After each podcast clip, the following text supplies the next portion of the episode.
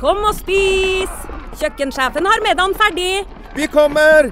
Vi skal bare Åh, det er da så morsomt her på Stiklestad! Ja, men sjøl en god viking må ha både mat og hvile. Og dessuten kan dere nå være noen dager. Velkommen til Scandic Stiklestad. Moderne fasiliteter i historiske omgivelser. Det var her det skjedde. Det er her det skjer.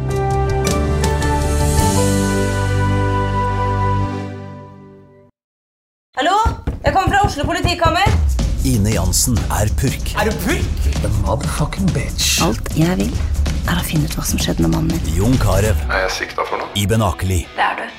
Ole So, Lars Berrum og Big Daddy Karsten. Hvem sin side er du på, egentlig? Anette Hoff, Tone Danielsen, Kommer du fra Afrika? Jørnis Josef, Nesten. Kløfta. Trond Espen Seim, Det er synd å si det, men det var feil mann som døde. Purk. Premiere tirsdag på TV2 Play.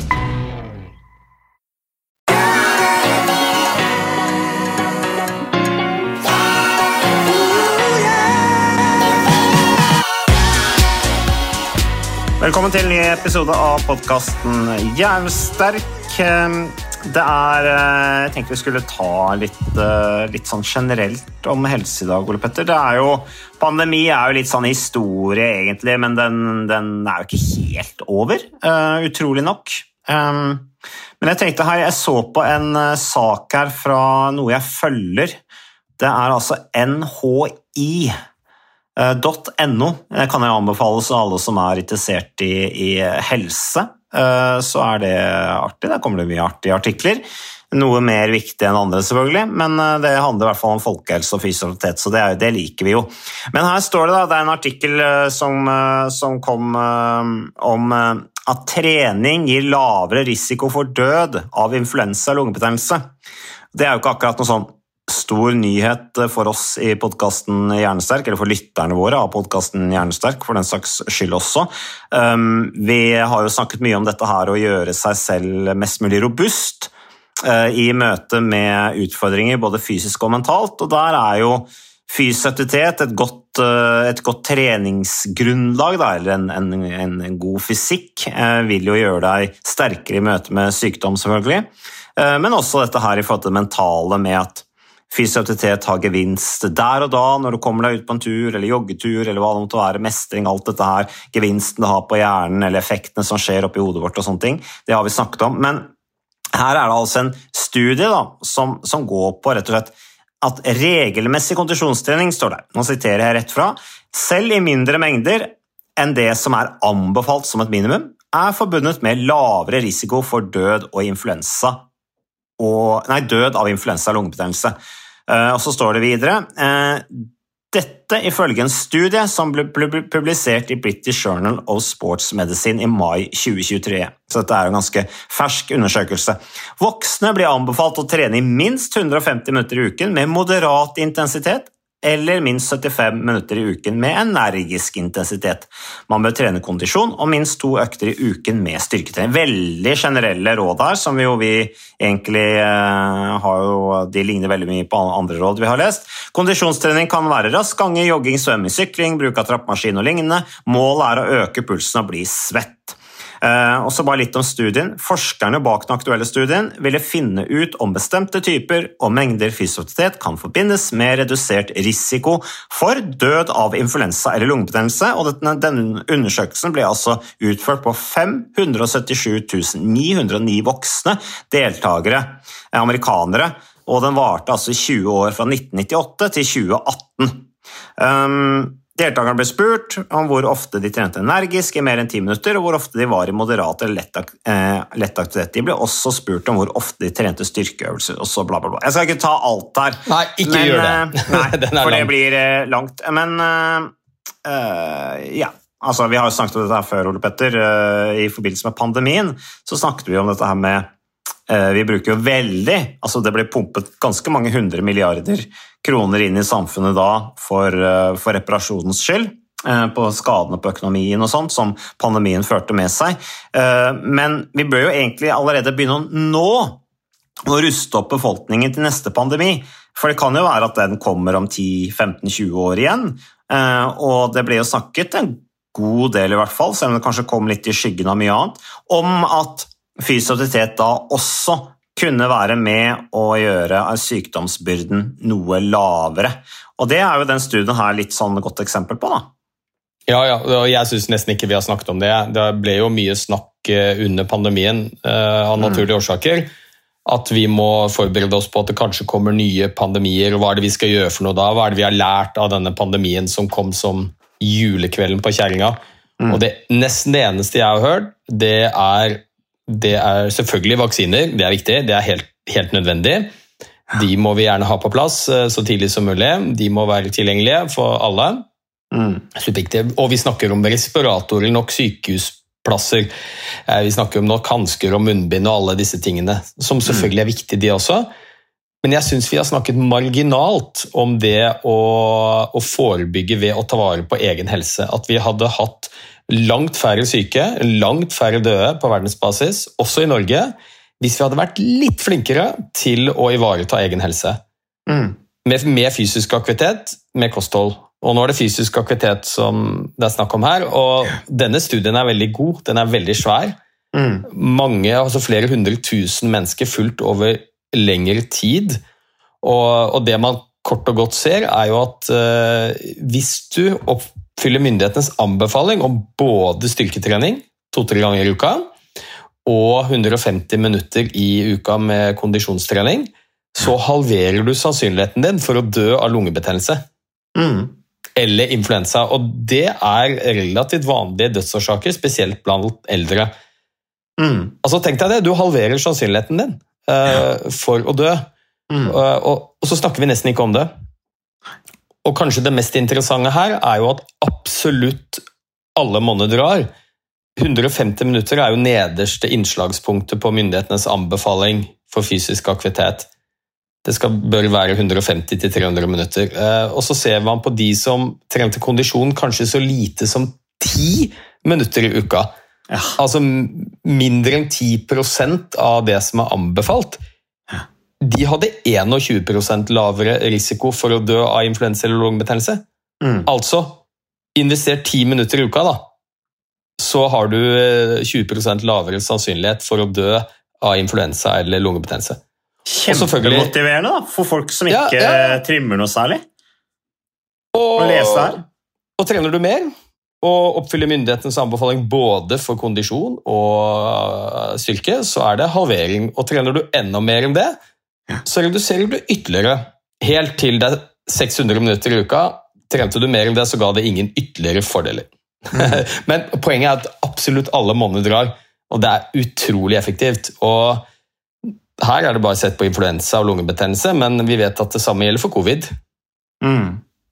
Eh, Og det gjelder for andre typer sykdommer også. Skal du legge til hjerte-karsykdom, eh, hjerteinfarkt og hjerneslag og hjertesvikt og nyresvikt og altså nevn en sykdom. Depresjon, eh, demens, diabetes type 2. Ja, så Det sliter er du med nesten rart at ikke flere driver med dette, altså. Ja, nei, sliter du motivasjonen, gå og les den undersøkelsen. Har du enda flere argumenter til å gjøre det. Så det, det, er, det, er, det er liksom en no-brainer, det der egentlig, Ole Petter. Men allikevel så vanskelig for så mange, av naturlige årsaker, fordi at vi er programmert eh, til å hvile mest mulig. Vi er programmert til å spise fetest mulig mat og, og gafle i oss mest mulig. Vi er programmert til å hvile, fordi at sånn var vi som når vi, bodde, når vi var i huleboere. Men eh, eh, vi kan sikkert snakke mer om dette enn den type saker etter hvert, Ole Petter, hvis vi holder det gående sånn som vi har gjort de siste åra med podkasten Jernsterk. Men vi har fått et lytterspørsmål her. Eh, her er det en eller ei som skriver Usikker på om dere har snakket om, eh, om pulsklokker og alle disse målingene folk henger seg opp i, basert på pulsmålinger på håndleddet. Her er det opplagt en som er litt sånn litt skeptisk. Eh, Jeg opplever de målingene ekstremt unøyaktige, skriver innsenderen. Kan det ikke bli et stressmoment også hvis alt skal måles og analyseres? Og så legger da eh, lytteren til da, en, eh, en artikkel i NRK som er ganske morsom. Eh, Den er altså fra eh, Den er altså fra 10. juni eh, i år. Eh, og Det er da en eh, artikkel med overskriften 'Lar pulsklokka styre viktige valg i hverdagen'. Den handler om Anne Sofie Arntzen, 24, som er en av flere som lar stressmålinger påvirke søvn, mat, alkohol og aktiviteter. Flere forskere advarer, står det, mot den nye livsstilen. Um, jeg vet ikke Ole Petter, hvor mye mer jeg skal uh, lese. Jeg må, jeg må, lese litt til, må jeg? Uh, for det det er, litt artig, dette her. Uh, her står det da, nå refererer jeg til denne NRK-artikkelen. Når 24-åringen våkner om morgenen, får hun en rapport om nattas søvnkvalitet. På lesesalen får hun et overblikk over stressnivået sitt time for time den samme morgenen. Ved lunsjtider ser hun på klokka for å finne ut hvordan kroppen reagerer på ulike matvarer. Og så uh, uttaler hun seg da her, uh, intervjuobjektet. Jeg spiste pizza på mandag med noen i klassen, og det ble høyt stressnivå gjennom hele kvelden. Det var helt sykt, sier Arntzen, da, som er, uh, som er vedkommende i denne artikkelen her. 24-åringen er en av flere, står det, som aktivt forholder seg til stressmålinger og relativt nye begreper som kroppsbatteri. Mer om dette i neste avsnitt. jeg skal ikke lese hele artikkelen her, Ole Petter, men ja, det hørtes jo litt stressende ut, kanskje, å ha det sånn som Arntzen her i denne NRK-artikkelen fra 10.6. Ja, jeg, jeg syns jo det hørtes litt slitsomt ut. Mm. Men det det handler om, er jo at vi i dag har fått teknologi som begynner å bli veldig avansert, og som kan måle en del helseparametere som tidligere var forbeholdt dyre, avanserte undersøkelser som ikke var tilgjengelig for befolkningen generelt. Mm. måtte betale tusenvis av kroner for å få gjort det i et eller annet laboratorie eller, eller lignende. Mm. Og nå har vi jo disse smartklokkene og klokkene som ved en optisk sensor og måler både Vi kan måle puls selvfølgelig på håndleddet. Det er relativt nyttig òg. Da mm. jeg drev og løp aktivt, så måtte vi jo alltid ha disse målerne rundt brystet. Mm. Litt, litt, lavere terskel selvfølgelig eh, når det bare er på håndleddet, og der er jo klokka fra før. Måle pulsen hele døgnet. Du kan måle pulsvariasjon, altså forskjeller i puls. Mm. Eh, altså denne pulsvariasjonen sier jo noe da om stressnivået, og, og det å ha høy pulsvariasjon, det, eller hjertefrekvensvariabilitet, HRV, det, mm, ja, det, da vet vi at det å ha høy pulsvariasjon det er tegn på at du har lavt stressnivå og er bra for helsa di. Så du, du kan indirekte da, måle graden av stress, vi måler søvn, og det kommer jo stadig flere ting til. Du kan måle hjerterytme, EKG mm. Blodsukker. Det, blodsukker. Altså, jeg tenker et par ting. Det ene er at hvis dette er verktøy som motiverer deg, som får ja. deg til å leve et sunnere liv mm. Hvis den pulsklokka di som måler hjertefrekvensvariabilitet, eller altså pulsvariasjon mm. eh,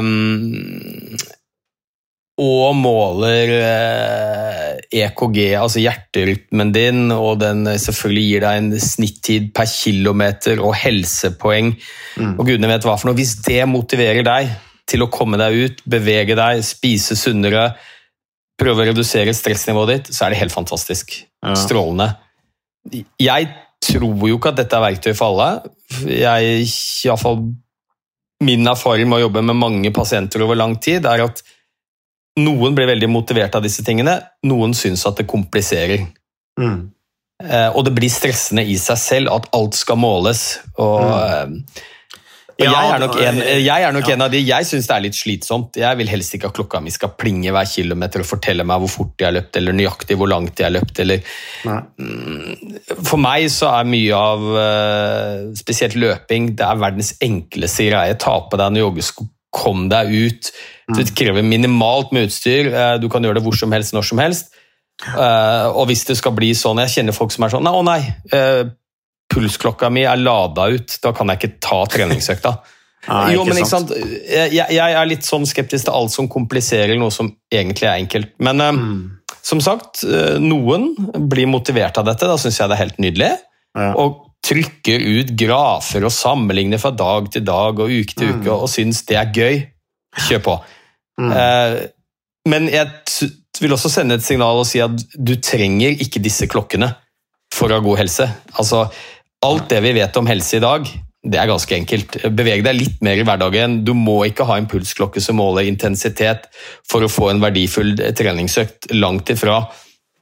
Er du en av de Ukas annonsør det er uh, HelloFresh. Og uh, hvis du nå går inn på hellofresh.no og bruker koden 'fresh hjerne', så kan du få opptil 1779 kroner rabatt på da de fem første matkassene dine hvis du ikke har prøvd HelloFresh enda. Og Ole Petter, vi er jo glad i HelloFresh i podkasten Jernsterk, selvfølgelig fordi at de er en annonsør. De er med og bidrar til å spre det glade ordet om fysisk aktivitet og god helse. Men i tillegg så har jo vi også nå lang erfaring med HelloFresh selv. Så vi må jo si at det har vært gode erfaringer til nå. Ja, absolutt. Visste du Mats, at HelloFresh det er faktisk verdens ledende matkasseleverandør? Og tilbudene til HelloFresh gjør det enkelt å lage gode og varierte retter som skaper matglede. Og matglede vet du, det er like viktig som hva du putter i munnen. Det å spise mat med folk du trives med. Så gjennom 25 nye og inspirerende retter hver uke så bidrar HelloFresh til dette. Du kan bestille ekstra porsjoner om du får gjester, eller hoppe over uke hvis du f.eks. skal bort. Og Det er ingen bindingstid, og du velger leveringstidspunkt og dag selv, så leverer HelloFresh matkassen din akkurat når det passer deg. Ikke dårlig, Mats. Nei, det er veldig bra. Så, øh, og dette er med enklere hverdag, det kan jeg nå skrive under på. For nå, forrige erfaring vi hadde forrige uke, Ole Petter, det synes jeg var Det var jo et gjennombrudd øh, for familien Kaggestad. For da lagde rett og slett barna de lagde middag og serverte middagen, så den var ferdig laget og servert da når eh, min kone Marita og meg kom hjem fra jobb. Og jeg mener Det var jo bare helt utrolig. Eh, det var helt fantastisk. Det ble en nydelig middag. Riktignok de, de, de, de roter og søler litt, det gjør de. Så, men, men, maten ble veldig god. De var veldig stolte over å kunne å ha både laget og servert maten, så det var helt fantastisk. Så vi har jo da i siste så har vi eh, spist eh, bl.a. sitron- og dillstekt hyse med ovnsbakte grønnsaker og aioli. Vi har spist middelhavsinspirert kylling. Taco, så finnes det mange ulike typer taco, f.eks. vietnamesisk taco, som vi har spist. Thailandsk vegetargryte, veldig riktig og sunt uh, i dagens uh, samfunn med, med, fokus på bærekraft. Hvitløk og chilistekte reker i spagetti, det var definitivt en vinner. Så det er så flott. Du får rimelig mat ved at du kun betaler for det du trenger, så det blir ordentlig feststemning med Hello Fresh. Det gjør det, og nå er det bare for deg å gå inn på hellofresh.no og bruk koden 'fresh hjerne'. Da får du opptil 1779 kroner rabatt på de første fem matkassene dine hvis du ikke allerede har prøvd HelloFresh. Du kan også bruke rabattkoden hvis du har stoppet abonnementet ditt for tolv måneder siden eller mer. Er det noe å lure på? Håper maten smaker godt. Bon appétit! Som ikke er opptatt av dette, så altså, drit i det. Ikke mål puls, drit i in intensitetssoner. Eh, bare kom deg ut og beveg deg litt. og du du kan jo komme langt uten også. Det er jo ikke noe vanskelig å, å si noe om intensitet uten å ha en pulsmåler. Det, det har vi noen ganske enkle retningslinjer for. Lav intensitet, da kan du prate helt uanstrengt mens du jogger rolig. Moderat intensitet, da, da er du litt, litt andpusten, men du kan allikevel holde på kanskje inntil en time. Mm. Og høy intensitet, da har du ikke lyst til å snakke med noen. Sånn at jeg syns ikke vi skal gjøre ting for vanskelig. Eh, og så er jo Et annet element her som tas opp, det er jo i hvilken grad kan vi stole på disse målingene. Ja. Fordi basisen her må jo være at uh, disse er uh, valide, altså de er gyldige. De, de, tallene vi ser på klokka, at de uh, stemmer. Mm. og der begynner jo disse klokkene å bli veldig bra. Uten at jeg er noe ekspert på det, så, så ser vi jo at man kan måle oksygenopptak, og det vil aldri bli like nøyaktig som en sånn direktemåling i en lab. Nei. Men hvis du ser på klokka di at den måler oksygenopptaket ditt til et visst nivå, og så trener du en stund, og så ser du at det har gått litt opp på klokka, Mm. så er nok det ganske reelt. Selv om du kanskje ikke kan sammenligne fra person til person så mye. Men, Eh, Jeg tror fortsatt vi har et stykke igjen for disse klokkene før de eh, gir oss like sikker og god informasjon som litt mer avanserte undersøkelser. Men jeg tror vi kommer dit ganske snart. For disse ring- klokkene kan være eh, Ja, og Nå ringte faktisk sånn- akkurat klokka mi, Petter. Jeg må reise meg opp litt. Jo, men jeg tenkte bare litt sånn i forlengelsen at så kan jeg nevne et forskningsprosjekt som jeg er med i, som vi driver og søker eh, litt midler om. og det handler om at eh, det er så utrolig mye helseinformasjon tilgjengelig, bl.a. via disse klokkene, eh, som vi prøver å gi tilgang, så, sånn at helsepersonell kan få det. Så liksom, Du kan se for deg at jeg skal treffe som fastlege skal jeg treffe fru Nilsen for første gang. Hun er 65 år gammel. I utgangspunktet så vet jeg ingenting om henne. Nei. Ingenting om helsa hennes, risikofaktor for sykdom, men hvis hun har en smartklokke, og det er jo sånn at halvparten av befolkningen har jo det snart, så vil de dataene som ligger der, de vil jo si noe om hvor mye hun har beveget seg eh, de siste månedene. De vil si noe om søvnen hennes, de vil si noe om hjertefrekvensvariasjon Ja. osv. osv. Ja. Hvis den informasjonen hadde vært tilgjengelig for meg som fastlege, så ville jeg i mye større grad kunne skreddersy behandling og oppfølging for pasientene mine. Så vi jobber litt med eh, dette big data, da, all den eh, helseinformasjonen som er tilgjengelig bl.a. i disse klokkene. Det kan bli eh, gjort tilgjengelig da, for eh, f.eks. fastlegene. Men er ikke det der kjempestrengt pga. GDPR? Jo, jo, jo, veldig. Så det er, og vi, vi er ikke i nærheten av å være der ennå, altså, men det er et stort prosjekt som vi skal jobbe med over mange mange år, for å se om vi kan finne gode løsninger eh, for å få dette til.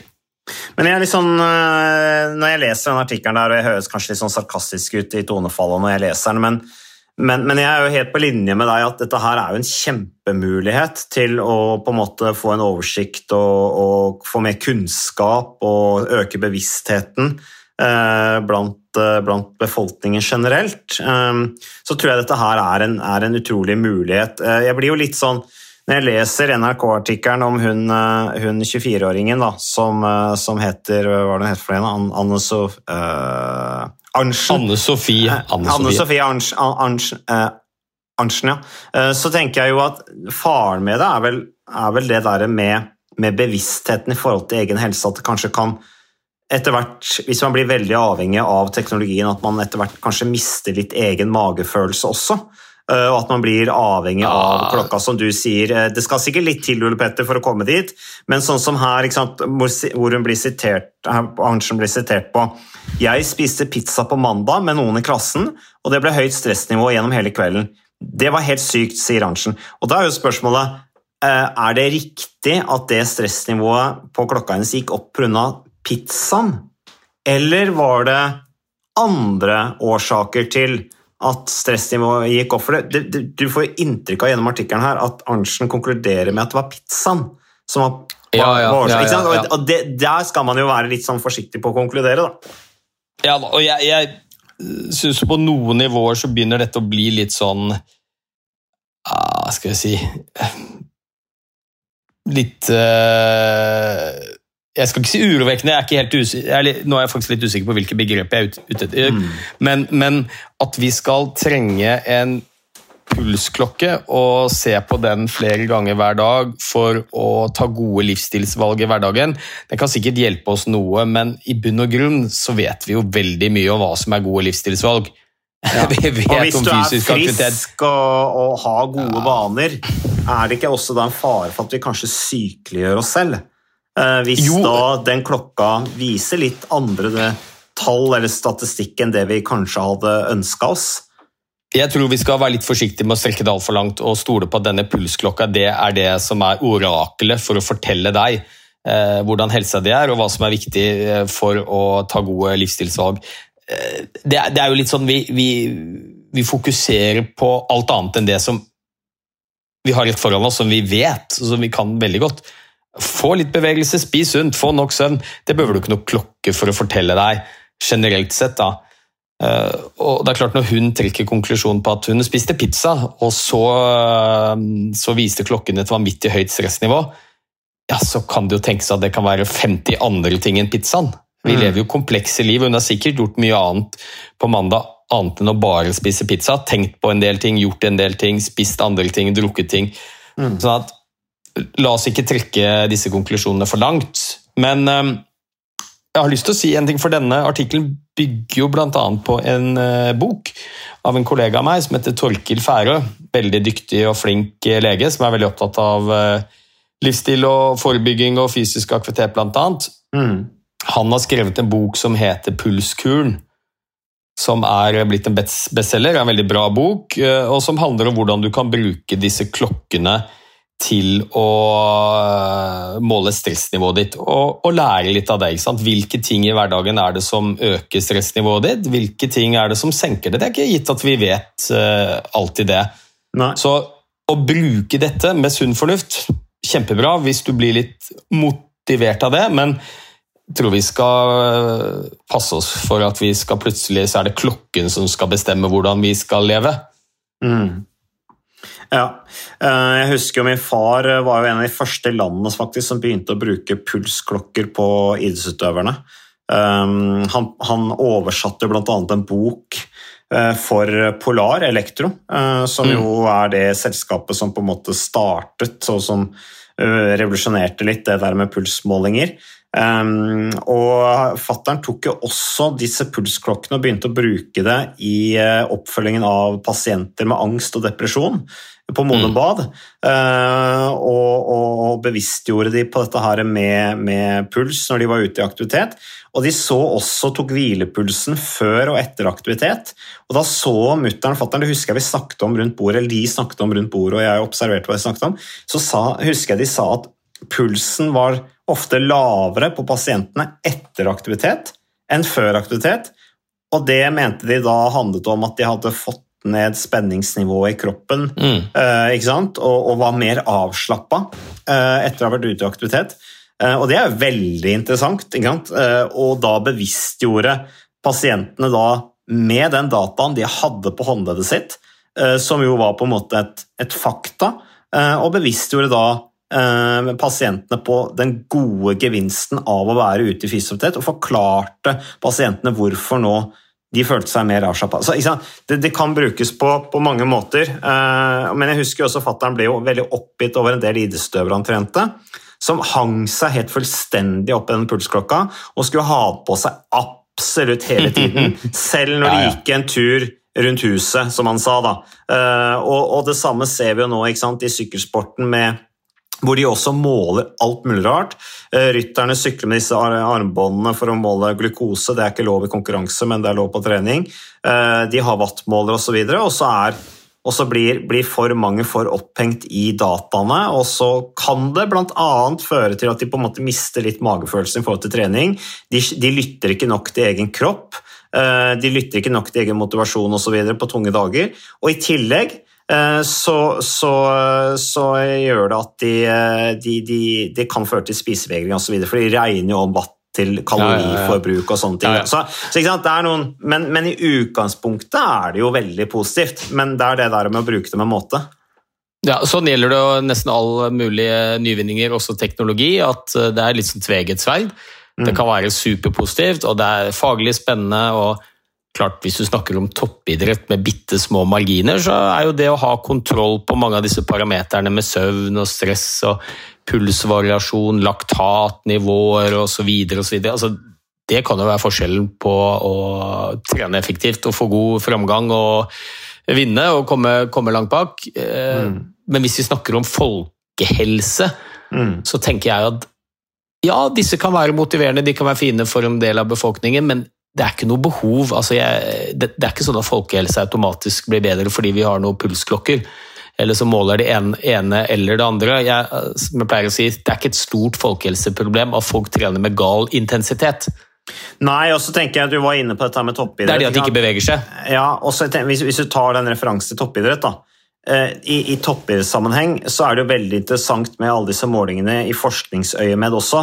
Og der brukes jo gjerne også eksemplene fra toppidretten hvor de jo tyner det vel langt, hvor de, hvor de utforsker vel mye og lever kanskje litt over grensa eh, på hva de burde gjøre, men alt dette dokumenteres jo eh, og er med og videreutvikler treningsmetoder osv., som igjen kan tilbakeføres i, i visse varianter da, til folkehelsa med at ja, det her er sannsynligvis mest fornuftig å gjøre.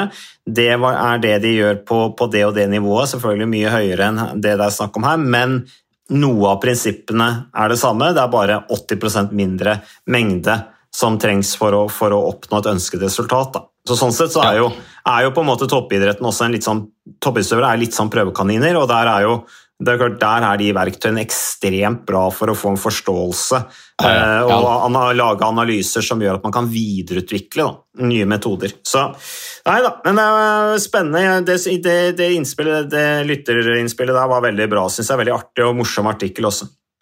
Ja, da, og det er igjen, Min oppsummering er rett og slett at uh, hvis dette motiverer deg, supert. Det er spennende, morsomme, fine verktøy du kan lære litt av også. Eh, samtidig så er jeg bekymret for å komplisere ting. Jeg tror at Hvis vi skal få flere nordmenn i aktivitet, så må vi gjøre det lettere å komme oss i fysisk aktivitet, ikke vanskeligere. Mm. Så jeg håper ikke noen tenker og tror at du må ha en av disse smartklokkene eller må måle det ene og det andre eh, for å ta noen gode helsevalg. Eh, Det holder massevis å komme seg ut og bevege seg litt uten Mm. klokke i det, i det hele tatt. Så stresser det deg, og, og, og, og du syns dette blir komplisert, og drit i det. Ja, drit i det. Det er ikke noe du må ha. Nei da, men, eh, men jeg har eh, klokke sjøl. Det har sikkert du også, Ole Petter. Så, så ønsker gjerne det til bursdag og jul. Men vi, eh, Ole Petter, du skal sikkert et eller annet, og jeg skal videre, jeg også. Så takker for, eh, takker for oppmøtet, Ole Petter. Takker til deg som lytter på podkasten Jernsøk, eh, og, alle- og samarbeidspartnerne våre, Moderne Media, ikke minst. Og takker for de som sender inn, eh, inn lyttespørsmål til oss. Det setter vi stor pris på. Da er du med å videreutvikle podkasten, sånn at vi har noe å snakke om i fremtiden også, så takk for det. Og kos dere, stå på, og kom dere ut og mosjonere litt.